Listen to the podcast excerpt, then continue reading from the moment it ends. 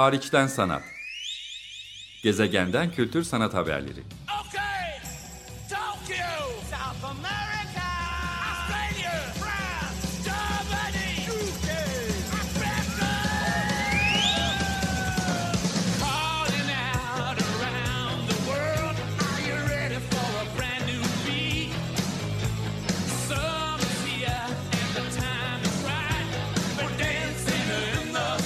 Hazırlayan ve sunan Çelenk Bafra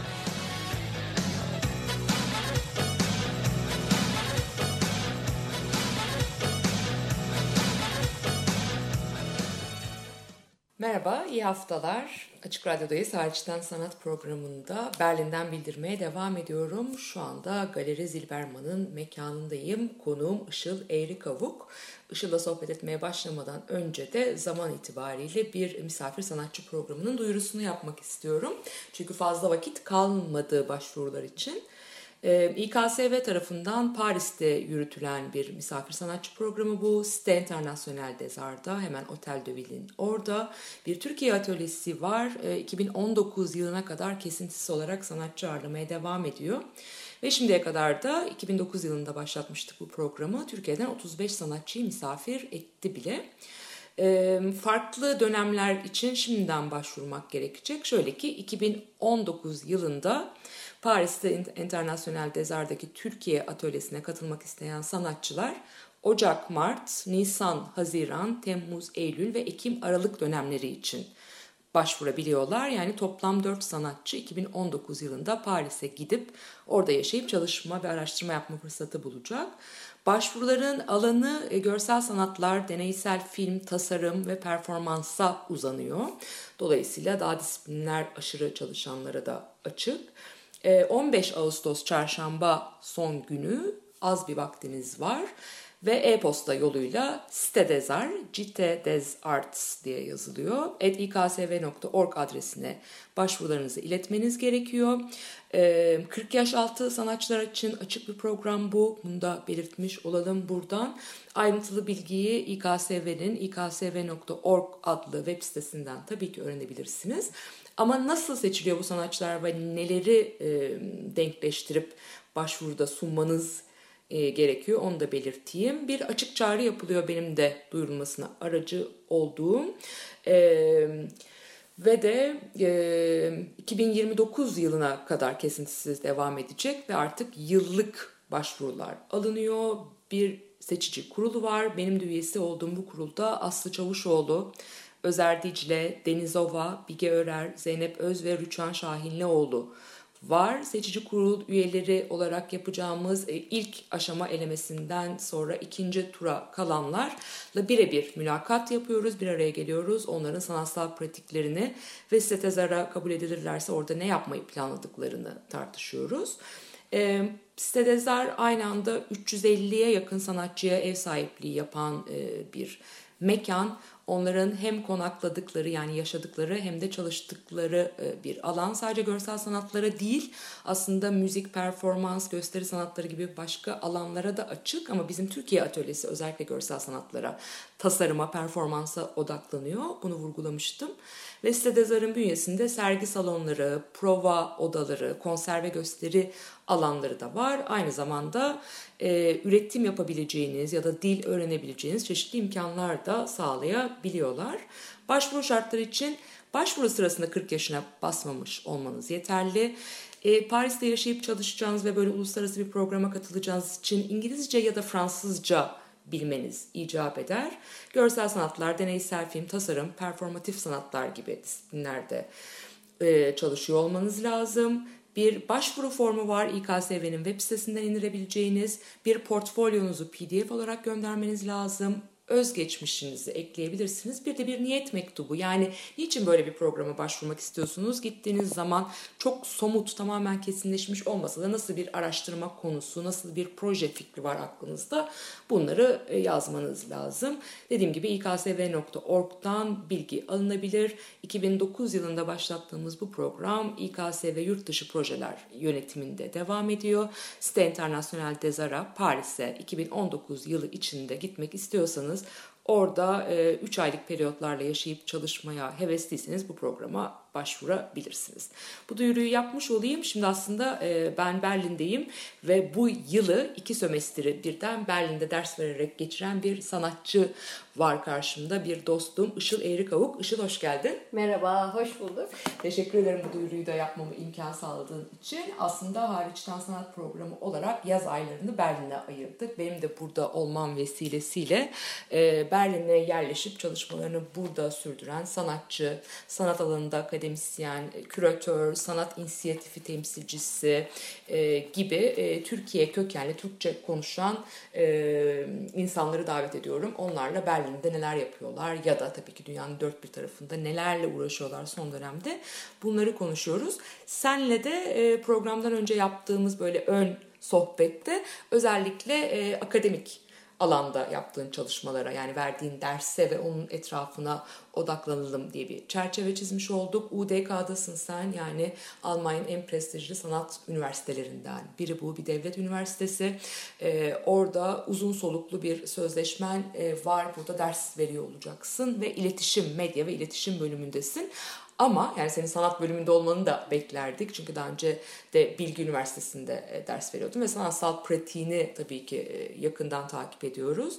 Dinleyicileri hatırlatmak adına e, çoğunlukla başka insanlarla hatta öğrencilerinle işbirliği yaptığın kolaboratif ve kolektif projelerim var. Performans ağırlıklı da bunlar. Salt'ta, Mikser'de projelerin olduğu, Yama'da bir video çalışmam vardı.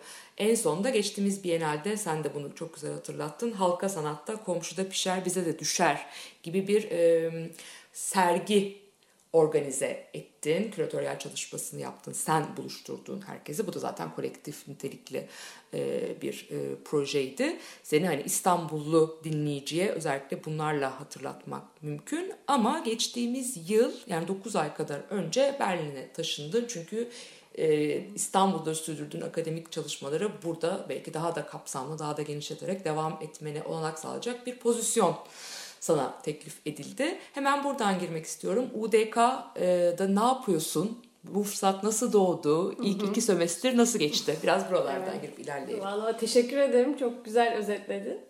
UDK'da ne yapıyorum? UDK'da iletişim bölümündeyim. Evet. Ee, şeyde değilim. E, güzel sanatlar ya da e, burada Bilden de Kunst'te bölümünde değilim. Ama şöyle bir şey. E, aslında benim geçmişimde e, ve İstanbul'da yürüttüğüm kariyerimle de bağdaşan bir durum. Belki onu açıklayabilirim. Çünkü burada da bana ilk bu işe başvurduğum zaman sordukları soru evet sen bir sanatçısın ve neden iletişim fakültesinde e, ders vermek istiyorsun oldu. Bir yandan da ben de şey sordum yani sanat ve iletişimin arasındaki farkı nasıl onlar, onların nasıl gördüğünü. Ee, ve aslında sanatı nasıl gördüklerini. Çünkü sanat fakültesinin içindeki insanlar bile iletişimin çok farklı olduğunu düşünüyorlar. Tabii burası bir sanat üniversitesinin evet. iletişim ve medya bölümü hmm. sonuçta. Aynen veya iletişimdeki insanlar da sanatın apayrı bir yerde. Aslında o kadar e, çok ilginç. İçeriden bakıldığında bile o kadar kopuk görünüyor ki e, iki, iki dal arasındaki şey bağlantı. Ve biraz aslında ben buradaki köprü görevini üstleniyorum. Bu açıdan da güzel. Yani e, iletişim fakültesindeki insanlara ders vererek ve sanat öğrencilerini de işin içine katarak aslında böyle kolekt, e, karma bir grubum var. E, dolayısıyla ya iki alanın birbirinden çok da farklı olmadığını e, biraz anlatmaya çalışıyorum derste. Türkiye'de de yaptığım bir şeydi bu ve farklı alanlarda yaptığım. Yani örneğin işte ben benim bu arada çok fazla insanın belki de şu an hatırlamayabileceği bir gazetecilik geçmişim var. Evet, evet. 4 yıl kadar e, Hürriyet'in İngilizce e, servisi olan Hürriyet gazetesinin İngilizcesi Daily News'te çalıştım. Sonra da 3 yıl boyunca Radikal'de Güncel Sanat Kafası adlı bir köşe yazdım. Bunun Çok da, da takip ediyorduk. Merak ettiğimiz her şeyi sorabileceğimiz bir evet. yanı da vardı değil mi? Din şeyler okuyuculardan sorular da kabul aynen, ediyorduk. Aynen aynen. Güzin abla formatında. Evet. Yarı kurgu. Tabii ki o soruların hepsi okuyucudan gelmiyordu. Tabii. Benim de öncelikle ilk başta ya, kendim yazdığım soruları. Sonra insanlara ulaşmaya başlayan. Yani bu köşe de bir anlamıyla bir aslında sanat projesi gibi gibiydi. Ee, çünkü ne köşe yazısı formatına uyuyor, işte ne ama biz galeride de sergilenmiyor biraz hani bu bir şeyin içine sızmaya çalışan, farklı iletişim dallarının içine sızan bir sanat projesiydi. İşte keza 2009 Bienalinde yine Radikal ve Daily News'te İkisinin içinde de birer sayfa kurgu bir haber yayınlayarak, kendi yazdığım kurgu bir haberi günlük gazetede yayınlayarak yine böyle işin içine sızmıştım. Yani dediğim veya işte biraz akademiye de bağlayacak olursak eee, mesela Bilgi Üniversitesi'nde de ders verirken yine medya öğrencilerine nasıl kreatif kreatif gazetecilik nasıl olabilir ya da nasıl daha yaratıcı olabilirler bunun üzerine ders vermiştim. Bu iki alanın bağdaşacağı çok yer var. Eee, dolayısıyla biraz bu şeydeyim yani hem kendi pratiğimde hem de akademisyenlik kariyerimde aslında bunun e, ne diyeyim bunun farklı yollarına e, bakıyorum ve öğrencilerle beraber aslında bunu görüyoruz. İki sömestrdir buradasın. Yani sonbaharda e, başladın. Dolayısıyla aslında iki e, dönemde öğrencilerle çalıştın. Nasıl bir profili var öğrencilerin? Kaç öğrencin var? Sen artistik research yani sanatsal araştırma dersi veriyorsun aslında iletişim bölümünde. Ne gibi tepkiler alıyorsun? Biraz da bunları konuşalım isterim. Tabii yani öğrencilerim küçükler aslında ikinci sınıflar. Lisans Ee, öğrencileri. Lisans öğrencileri ikinci sınıflar evet. Ee, ama bir yandan da sonuçta bir sanat okulu öğrencileri çok kafaları açık ve çok meraklılar. Dolayısıyla hani, e, hem onları biraz işte e, nasıl diyeyim genellikle benim akademisyenliğe bakış açım da bu. Yani hem onlarla yakın bir iletişim kurup hem de biraz biraz işte hani daha tatlı sert evet bu işler e, nasıl oluyor e, nasıl sanat araştırması dediğimiz alan ne? Yani artistik research deyince tam kafalarında bir şey canlanmıyor aslında. Eee fakat dönemin sonunda hepsi kendi projelerini üretiyorlar. Ve verdiğim ders şu e, ve öğrencilerin bakış açısı da e, aslında bugünkü güncel sanata baktığımız zaman çoğu proje bir araştırma sürecine dayanıyor veya işte bir arşiv sürecine e, ar- arkasında. Yani son baktığımız kertedeki işin aslında geçmişi ve o, o sürece nasıl gel, gelindiğini ve bu nasıl bir araştırma süreci? Ee, bilgiye ulaş, sanatı bilgi üretmek için nasıl kullanabiliriz? Bilgi dediğimiz yani bilgi kavramı mutlaka işte daha bilim e, bilimsel metotlar işte e, bir sosyoloji gibi veya işte atıyorum daha e, Pozitif bilimler gibi. daha empirik metodlarla daha e, kullan, e, üretilmek zorunda mı yoksa bilgi sanatla bir bilgi üretim aracı olarak kullanılabilir mi? Ve bu nasıl bir bilgi olur? Biraz buna bakma dersi aslında. Ve bu sonu bu bu okumalarımın sonucunda hepsi kendi projelerini üretiyorlar. Ha, hemen ona gelelim isterim. Çünkü e, dönem sonunda yani yaz e, başında öğrencilerle ortaya koyduğun bir sergi var. Bir de performans var. Nedir bunlar? Evet. Ya öğrencilerle ortak çalışmayı çok seviyorum. Ee, ve bir şekilde yani ben ben onlara söylemeyeyim de hep beraber bir şey üretelim. Nasıl olur bu diye. Ee, evet, e, dönem sonunda hepsinin ürettiği sergi şey işlerin sergileneceği okul içinde. Zaten bütün böyle UDK'da olan bir şey bu. Ee, Açık Evet. atölyeler değil mi? Açık. Açık atölyeler. Herkes yaptığı işi sergiliyor. Dolayısıyla bizim işimiz de onların bir parçası. Ve sonunda da bir performans yapacağız öğrencilerle beraber.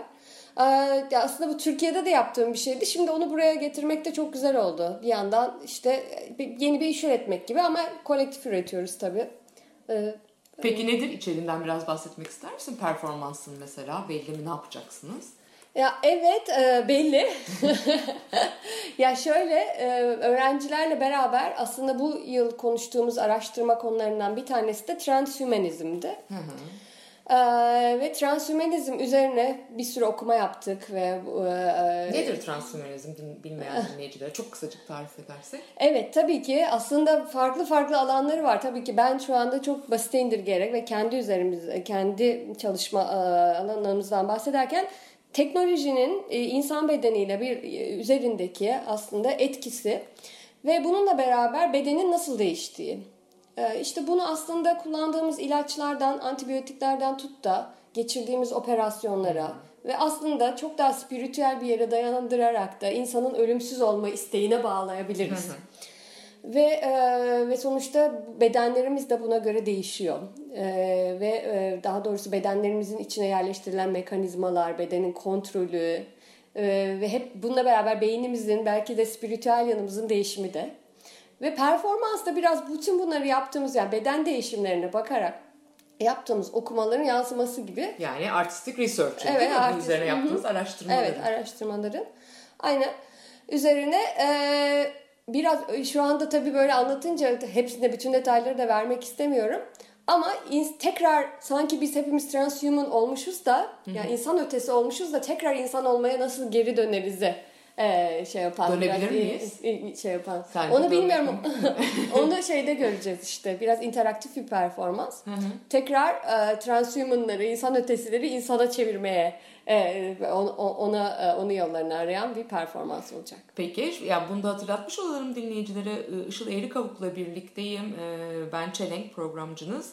Bu kaydı yaptığımız sırada henüz performans gerçekleşmedi. Ee, Ama program yayınlandığı zaman gerçekleşmiş olacak. Bunu hatırlatmış olalım. UDK'da yani Berlin'deki e, Sanat Üniversitesi'nde e, 20-21 Temmuz aslında açık stüdyo yani bütün bölümlerin, bütün hocaların atölyelerinin ve öğrencilerinin hani yıl sonu çalışmalarının izleyiciyle buluşacağı pek çok etkinlik, performans, sergi görme imkanı var. Biz biraz önce konuştuğumuz için henüz performans tamamlanmış durumda değil. Peki tabii bu bölüm çok da cazip bir bölüm. Seninle program öncesinde de konuşmuştuk. Çünkü hem e, bir sanat üniversitesi bünyesinde hem de bağlamı daha geniş medya ve iletişim bölümü gibi bir alanda. Eminim bu alanla ilgilenen Türkiye'den de çok fazla insan olacaktır ya da dünyanın dört bir yanından. Nasıl başvurabiliyorlar? Evet. Ee, aslında sana da tam onu söylüyordum. Çok enteresan. Buraya geldiğimden beri çok kısa bir dönem yani 9 aydır buradayım. Fakat o kadar çok Türk öğrencilerden mail alıyorum ki Çünkü nasıl senin ben- eski öğrencilerin de var tabii değil mi İstanbul'dan da belki senden bilgi Kimisi isterler. evet tabii haklısın. Kimisi öyle, kimisi hiç tanımayan insanlar e, Instagram'dan, Facebook'tan. Ya bu arada bana herkes mail atabilir fakat ben bu konuda sadece yetkili kişi değilim. Yine de eğer master'a baş genellikle master başvurusu oluyor öğrencilerin soruları. Evet yani benim de bildiğim e, iyi iyi seviyede Almanca en önemlisi. Yani burada e, hatta benim de şu anda şey olduğum Almanca kursuna da, e, devam ediyorum halen daha. Benim dersim İngilizce ama çoğu ders Almanca. O yüzden belki onu söylemek önemli. Öğrenci olarak gelindiğinde UDK'ya e, yüksek seviyede bir Almanca bilgisine sahip olmak ve bir port özellikle sanata başvuruluyorsa bir portfolyoya sahip olmak veya işte iletişim alanındaysa da bir tez fikrine sahip olmak. Yani Türkiye'deki başvuru koşullarına e, eş de seviyede fakat dediğim gibi bunun şeyinde yanında Almanca. Tabii olumlu yanı yani bunun bir devlet üniversitesi olması. Değil mi? Yani öğrenciler başvurup kabul edildikleri zaman okula ayrıca bir ödeme yapmaları gerekmiyor. En azından öyle bir yanı var. Evet, Yurt evet. dışında hani bazı yerlerde olan, Almanya ve Fransa'da yoğun olarak olan ama pek çok ülkede de aslında olmayan bir imkan. Peki Almanca meselesine odaklanmak istiyorum. Çünkü senin e, lisans döneminde dile de odaklandığını biliyorum lisans eğitiminde. Yani bir dil e, eğitimin de var. E, ve de şimdi de Almanca öğrenmeye çalışıyorsun. Daha önce bilmediğim bir dildi. 9 aydır burada bir taraftan hocalık yaparken bir taraftan öğrencisin de başka bir alanda.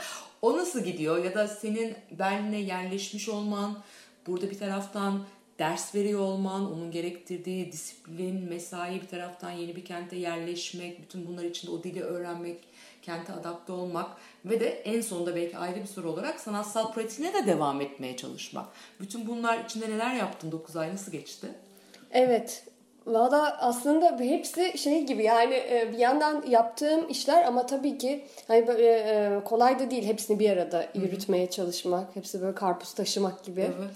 Yeni bir şehire yerleşmek. E, Berlin. Berlin enteresan zaten çünkü burada yani var olan bir Türk komünitesi var. Hiç İngilizce bile bilmeden yaşayabilirsin Berlin'de. E, ben mesela Neukölln'de yaşıyorum. Herkes e, şey işte e, marketim Türk gibi ondan sonra komşularım Türk. Günlük Dolayısıyla- hayatını değil mi tamamen Türkçeyle Türkçe. idare edebilirsin aslında. Bunun yanında çok Alman bir akademide çalışıyorum. O, e, ve orada da her ne kadar herkes İngilizce bilse de e, bürokrat, bürokrasi ve fakülte toplantıları, günlük yazışmalar Almanca devam ediyor. Dolayısıyla burada yaşayacaksam aslında hani Türkçe ve İngilizceyle de hayatta kalabilirim ama Almancayı da öğrenmem gerekiyor gibi bir hisse kapıldım ve gelir gelmez Evet Almanca derslerine başladım. O yoğun Almanca.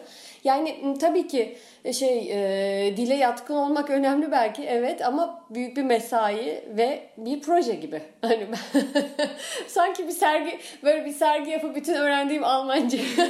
Bütün research yani bu da bir araştırma Yani- ayırdığın mesai gibi. evet ve bununla ilgili iş yapan bir sürü sanatçı da var. Yani bu yeni bir dil öğrenmek, adapte olmak. Elbette bu etkiliyor sanat pratiğini ama benimki çok daha şey bir yerden geliyordu aslında. Evet burada bir işim var. E, hayatım burada şu anda. Dolayısıyla hani bunu nasıl kolaylaştırabilirim? Tabii kolay, kolaylaştırma süreci kolay bir şey değil. O tam tersi. ama umarım yani şu an evet e, şey kendimi idare ediyorum. Peki programın sonlarına doğru yaklaşırken şeyi de konuşmak istiyorum seninle. Sanat pratiğin burada neye evriliyor? Vakit ayırabiliyor musun? Çok yoğun bir 9 ay geçirdin elbette ama başka bir bağlamda, başka bir yerde şimdi çalışıyorsun. Burayı da gözlemleme, deneyimleme fırsatın olmuştur. Yani öğrencilerle ortaya koyduğunuz çalışmalar, sergi, performans vesaire ötesinde Işıl Evrikavuk olarak e, neler düşünüyorsun? Senin kendi sanat araştırman nerelere evriliyor? Yaptığın bir şeyler var mı? Yani şöyle çok e, aslında sanki güncel sanata veya sanatçılara baktığımız zaman etrafımda da gördüğüm veya bana da sorulan hep sizden böyle bir büyük sergiden büyük sergiye koşmanız ya da hep böyle bir sergi projeleri içinde yaşıyormuşsunuz gibi. Ama tabii ki her zaman öyle değil. Bazen öyle dönemler de oluyor. Tabii. Bazen de böyle biraz daha yedirme, anlama, sindirme dönemleri belki. Ben benimki şu anda biraz böyle bir dönem. Ama bu demek değildi ki bir şey üretmiyorsun. Hmm, Bundan birkaç ay önce işte Almanya'ya e, yerleşmemin 3. 4. ayında özellikle yaptığım bir fotoğraf projesi var. Ama bunlar böyle büyük ser- sergilediğim veya sergileme fikrim henüz olan şeyler değil. Ee, onda da biraz aslında köklenme çünkü ım, köklenme nereye köklenebiliriz? Ve özellikle şu anda Türkiye'de ayrılan pek çok insanın kafasında olduğu gibi biz biz neredeyiz? Ne- e, yani şu anda akademisyenler sanatçılar olarak nereye kökleniyoruz? Veya köklenmek fikri ne? Biraz bunun üzerine düşünerek ve e, o dönemde de Willem Flusser'in makalelerini okuyordum. Köklenmek üzerine yaptığım bir fotoğraf projesi var. Onun dışında yani her zaman öğren tabii ki akademisyenlik hayatımın devamı, orada öğrencilerle beraber çalışmam veya kendi kendime yaptığım e, ufak notlar, fikirler, bunları bir yere yazıyorum ki evet aa buradan bir performans fikri şöyle olur, böyle olur gibi. Sen de tabii ki kendi içinde bir araştırma dönemindesin diye anlıyorum ben. Yani kendi verdiğin ders gibi sen de aslında bir artistik research sürecindesin şu anda ve bunun sonucunda pek çok şey ortaya çıkacak. Bunu heyecanla bekliyoruz. Ama bu fotoğraf projesine geri dönmek kısaca istiyorum. Çünkü programdan önce de anlatmıştın. Bunun aslında e, sadece Berlin'de değil tabii dünyanın dört bir tarafına yerleşmekte olan sanatçılar, akademisyenler e, içinde böyle bir e, bir anlamı var. Manidar bir yanı var. Onu biraz daha değinmek ister misin? Yani bu hem köklenme meselesi dedin hem onunla bir ağaç üzerinden kurduğun bir ilişki var hem de sürgün ya da sürgünde olma hissiyle bağlanan bir yanı var. Evet, eee, şöyle sürgün meselesi üzerinden aslında belki başlayabiliriz. Exile İngilizce'de de sürgün olmak ne demek? Şu an eee, ülkesinden ayrılan pek çok insan gibi özellikle Türkiye'den ayrılan pek çok insan gibi hepimiz e, bir yandan Türkiye'nin o kaosundan çıkıp nefes almanın mutluluğunu yaşarken bir yandan da aidiyetin yollarını arıyoruz. Nereye aitiz? Yani savrulup bazen insan savrulduğunu da hissedebiliyor bunlar içinde. Ve sürgün olmak belki de mutlaka e, belki de mutlaka bir e, sizi seni bekleyen bir ceza veya bir yaptırım olması değil. Belki de gönüllü sürgünlük de bir anlamda.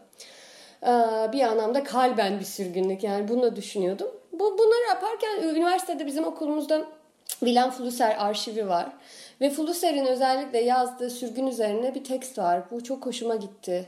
Ee, bir ağaca benzetiyor insanı ve diyor ki ağaç aslında toprağa köklerini sarar, sarar ve biz hep insanı da aynı şekilde düşünürüz. Toprağa köklenmek yani bir vatana toprağa köklenmeyi belki hayal ederiz. Ama sürgün pozisyonunda olduğun zaman toprağa değil belki de o ağacı terse çevirip havaya kökleniyorsun. Ve aslında ve düşünsel olarak kökleniyorsun. İlla bir aidiyetin mekansal değil belki düşünsel olarak. Ve aslında o sürgünlüğü de biraz kurbanlıktan çıkartıp nasıl güçlen, sürgün kavramını daha güçlü bir hale getirim, ge- getiren, böyle bakan bir tekst. Ve onun üzerine tam da o dönem yılbaşı e, sonrasıydı ve sokakta yürüyorum. Bir yandan çok soğuk ve Almanya'da Böyle iki hafta sonra yılbaşından, Christmas'tan sonra bütün o Christmas ağaçları yola terk ediliyor. Yolda böyle yürürken bir sürü ağaç görüyorsunuz işte. Ve o ağaçlarda kökleri dışarıda öyle duruyorlardı. Ve Noel döneminde bir ailenin içindelerdi değil mi? Oraya kök salmışlardı, Aynen. süsleniyorlardı. Ama Noel'den sonra dışarı atılmış, yapayalnız, Evet. köksüz, gidecekleri hiçbir yer olmayan ağaçlar halindeler. Ve bu ağaçlarla beraber portremi çekmeye başladım. Hı hı. Aslında ve adı da Willem Flusser ve ben diye bir seri, fotoğraf serisi. Ben ve o ağaçlar ve ben ağacı tutuyorum. Bir yandan da birbirimizi tutuyoruz ve ağaç havaya bakıyor. Yani ben yer çekimi dolayısıyla yere doğru gidiyorum ama böyle bir seri. Ee, Dolayısıyla yani üretimim bu şekilde ilerliyor. Yaşadığım şeyi bir bir bir farklı bir boy, medyaya işte farklı bir alana taşımaya çalışıyorum şu anda. Ee, ve bundan sonrası da dediğin gibi yani belki de evet araştırma göreceğim Berlin'deki gözlemlerimin yansıması. Harika. Işıl çok teşekkür ederim. Zaten süremizin sonuna geldik. Işıl Eğri Kavuk'la birlikteydik. UDK'da e, ders veriyor artistik research üzerine, sanat araştırması, sanatsal araştırma üzerine. Önümüzdeki dönem görüşmek üzere. Görüşmek üzere teşekkürler. Hoşçakal. Hariçten sanat. Gezegenden kültür sanat haberleri. Okay, Tokyo, South America, Australia, France, Germany, UK. Calling out around the world, are you ready for a brand new beat?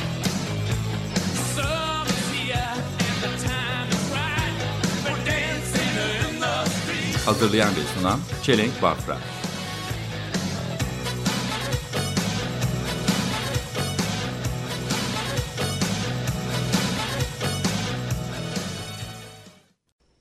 Açık Radyo program destekçisi olun. Bir veya daha fazla programa destek olmak için 212 alan koduyla 343 41 41